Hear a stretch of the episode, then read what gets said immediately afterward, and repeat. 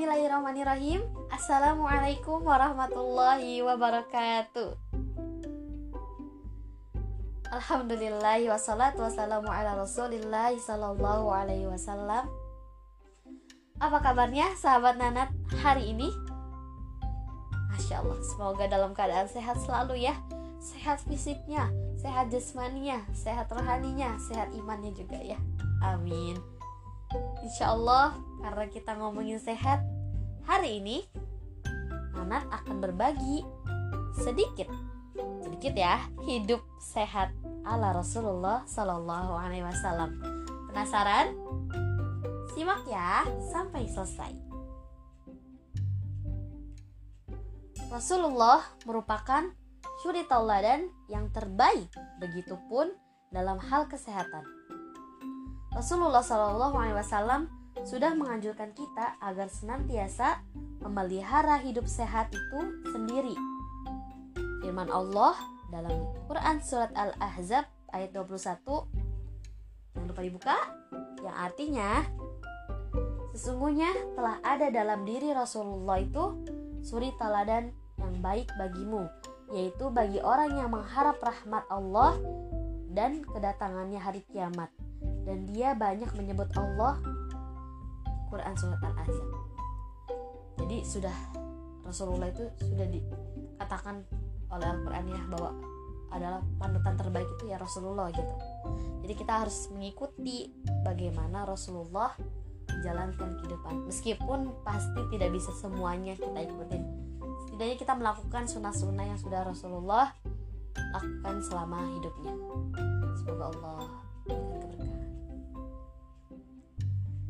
Banyak yang mengatakan sehat itu mahal, padahal justru sehat itu murah loh. Sakitlah yang mahal, betul?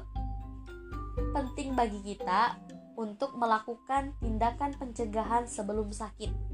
Nah, salah satunya adalah dengan mencontoh apa-apa yang dilakukan oleh Rasulullah Sallallahu Alaihi Wasallam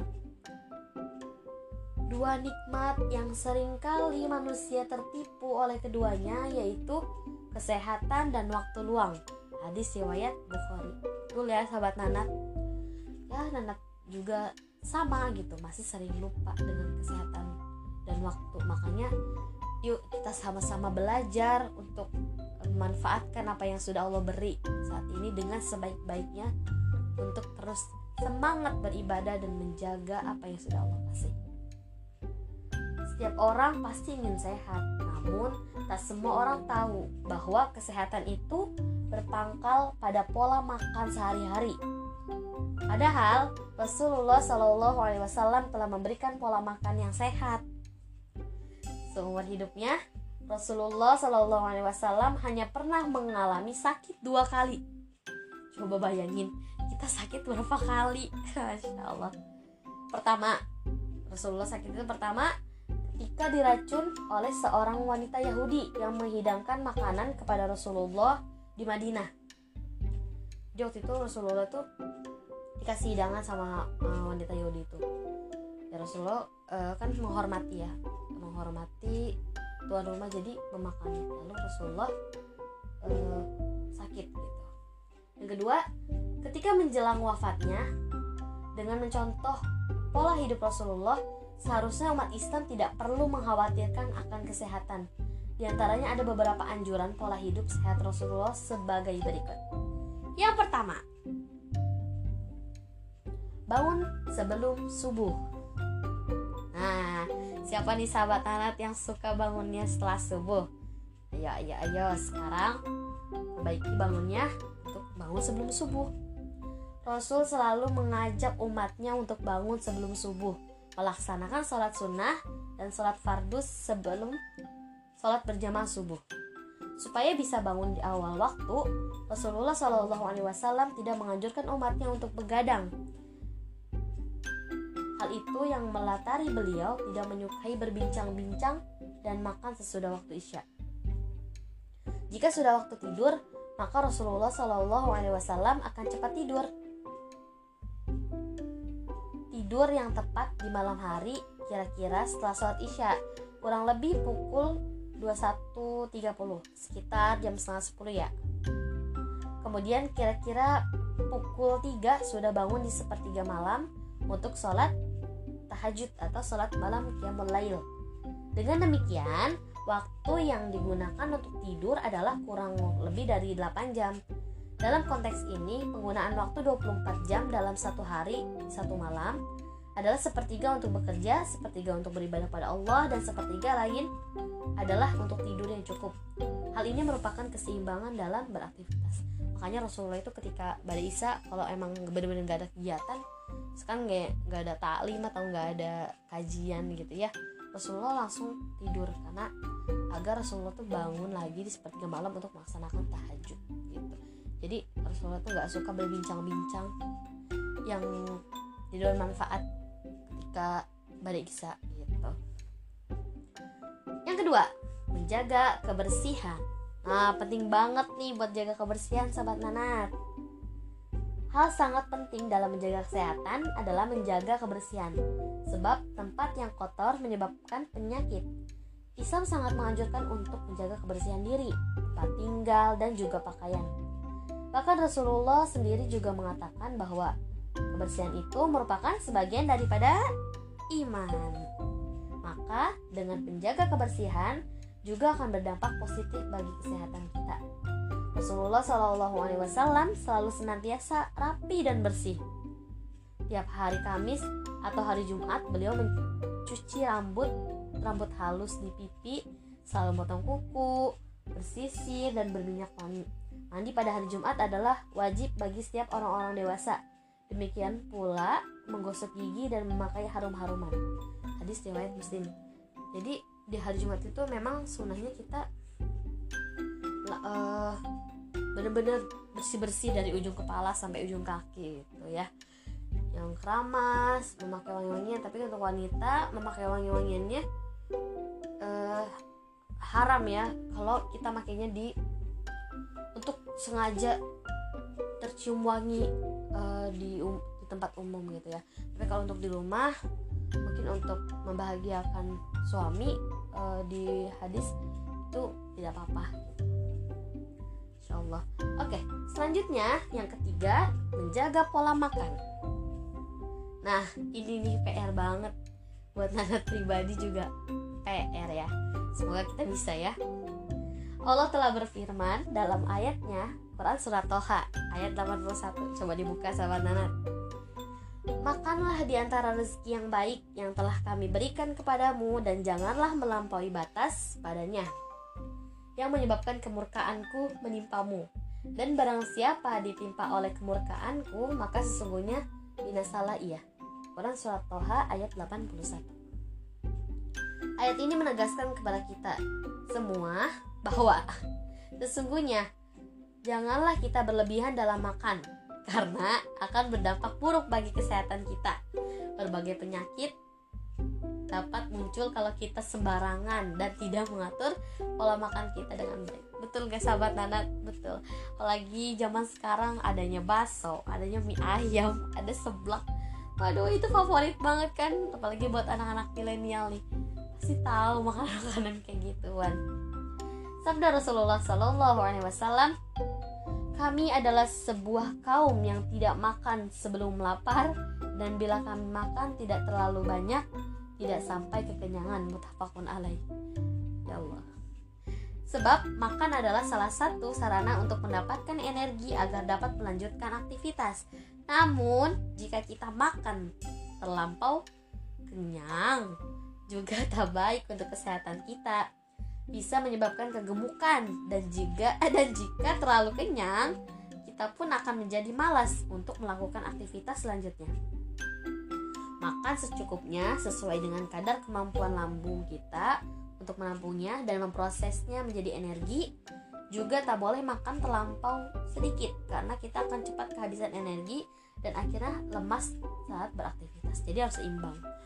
Makannya juga harus makan makanan yang sehat cukup uh, dengan empat sehat lima sempurnanya seratnya karbonya proteinnya gitu. jadi harus benar-benar diperhatikan dengan jelas gitu ya dalam sebuah hadis yang diriwayatkan oleh Ibnu Majah Rasul mengatakan bahwa hendaknya manusia hendaknya menjaga keseimbangan tubuhnya sepertiga untuk makanan, sepertiga untuk air, dan sepertiga untuk udara. Karena itu, tindakan tindakan berlebihan dalam makan sungguh tidak sesuai dengan ajaran Rasulullah Sallallahu Alaihi Wasallam. Semoga ya Allah menjaga uh, uh, pola makan kita gitu ya untuk uh, agar ibadah kita tuh terus semangat dan terus terkontrol dengan baik dengan kita makan makanan yang baik juga insya Allah yang keempat berjalan kaki atau olahraga ya mungkin ada olahraga olahraga lain ya ini di antaranya kita bisa berjalan kaki naik sepeda atau olahraga olahraga yang teman-teman anak sukai intinya penting banget nih olahraga Rasulullah Shallallahu Alaihi Wasallam selalu berjalan kaki ke masjid, pasar, mengunjungi rumah sahabat dan sebagainya. Dengan berjalan kaki, dengan berjalan kaki, keringat akan mengalir, pori-pori terbuka, dan peredaran darah akan lancar. Ini penting untuk mencegah penyakit jantung. Jadi Rasulullah tuh dulu uh, suka berjalan kaki ketika pulang masjid, uh, silaturahim, misalnya ke rumah sahabat. Makanya mungkin Rasulullah sehat pun karena Rasulullah tuh jala, uh, rajin untuk berjalan kaki tidak seperti zaman sekarang ya belok belok dikit belok kanan naik motor ya semoga kita bisa mengamalkan salah satu senahnya dengan berolahraga berjalan kaki yang kelima Rasulullah sering berpuasa teman-teman anak suka pada puasa nggak nih Nah, rajin berpuasa di hari Senin Kamis memberikan waktu bagi lambung kita untuk beristirahat loh. Bayangkan, setiap hari lambung kita disuruh bekerja keras untuk mencerna makanan setiap pagi, siang, dan malam. Saat berpuasa, lambung kita akan beristirahat dan memproses makanan yang belum tercerna sebelumnya. Juga dapat menyaring racun yang mungkin tersimpan dalam tubuh kita. Karena proses pencernaan makanan yang kurang sempurna Allah berfirman, yang artinya, Hai orang-orang yang beriman, diwajibkan atas kamu berpuasa, sebagaimana diwajibkan atas orang-orang sebelum kamu agar kamu bertakwa. Quran Surah Al-Baqarah ayat 183 Dalam hadis Rasulullah SAW bersabda, setiap amalan kebaikan yang dilakukan oleh manusia akan dilipat gandakan dengan 10 kebaikan yang semisal. Hingga 700 kali lipat. Allah Ta'ala berfirman yang artinya kecuali amalan puasa Amalan puasa tersebut adalah untukku Aku sendiri yang akan membalasnya. Disebabkan dia telah meninggalkan syahwat dan makanan karenaku. Bagi orang yang berpuasa akan mendapatkan dua kebahagiaan Yaitu kebahagiaan ketika dia berbuka Dan kebahagiaan ketika berjumpa dengan rohnya Sungguh bau mulut orang yang berpuasa lebih harum di sisi Allah daripada bau minyak kasturi.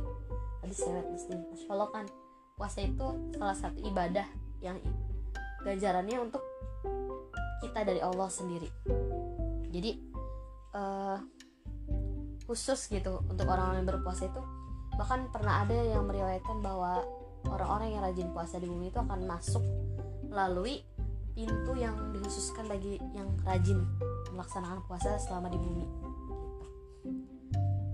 Yang keenam, tidak pemarah. Nah, siapa yang suka emosi nih? Nasihat Rasulullah Shallallahu Alaihi Wasallam, jangan marah. Diulangi sampai tiga kali. La takdob, la takdob, la takdob. Ini menunjukkan hakikat kesehatan dan kekuatan muslim bukanlah terletak pada jasa dia, tetapi lebih jauh yaitu dilandasi oleh kebersihan dan kesehatan jiwa. Ada terapi yang tepat untuk menahan marah. Pertama, mengubah posisi ketika marah. Bila berdiri, maka duduk, dan bila duduk, maka berbaring. Itu ya ketika lagi emosi yang menggebu-gebu. Yang kedua membaca ta'awudz. A'udzubillahi rajim karena marah itu dari syaitan. Kita berlindung dari bisikan-bisikan syaitan biar marahnya damai ya. Ketiga segeralah berudu jika masih panas masih menggebu-gebu masih pengen nyerocos-nyerocos gitu silahkan berudu dan yang terakhir kalau memang masih Silakan sholat dua rakaat untuk meraih ketenangan dan menghilangkan kegundahan Insya Allah semoga teman uh, teman-teman anak di sini bisa mengolah emosinya dengan baik ya. Yang ketujuh, berbekam. Nah ini adalah salah satu sunnah ya untuk penyembuhan atau menjaga kesehatan Said bin Jubir berkata dari Ibnu Abbas radhiyallahu anha bahwa Rasulullah Shallallahu alaihi wasallam bersabda, kesembuhan dapat diperoleh dengan tiga cara. Pertama, dengan meminum madu atau dengan obat herbal. Kedua, dengan berbekam atau hijamah. Dan ketiga, terapi besi panas. Dan aku tidak menganjurkan umatku untuk melakukan pengobatan dengan besi panas. Jadi eh, kita menggunakan obat-obat herbal dan melakukan bekam itu adalah salah satu sunnah yang dianjurkan oleh Rasulullah bagi umatnya ya. Jadi katanya e, berbekam itu ahsan itu di pertengahan bulan. Karena itu bagus buat kesehatan seperti gitu kata pakar e, Tibu Nabawi. Yang kedelapan. Nah ini terakhir ya. Tidak iri hati. Untuk menjaga stabilitas hati dan kesehatan jiwa mentalitas maka menjauhi iri hati merupakan tindakan preventif yang sangat tepat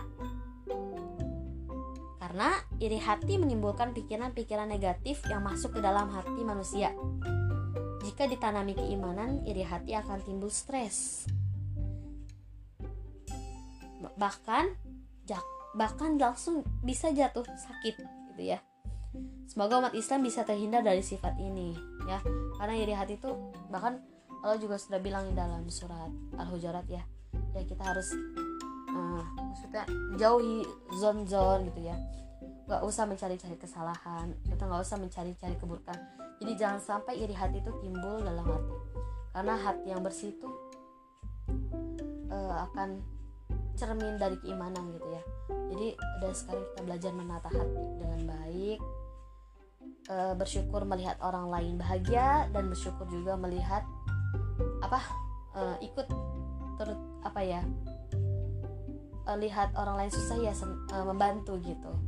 Jangan malah kita senang melihat orang lain susah itu bisa jadi penyakit hati buat ya.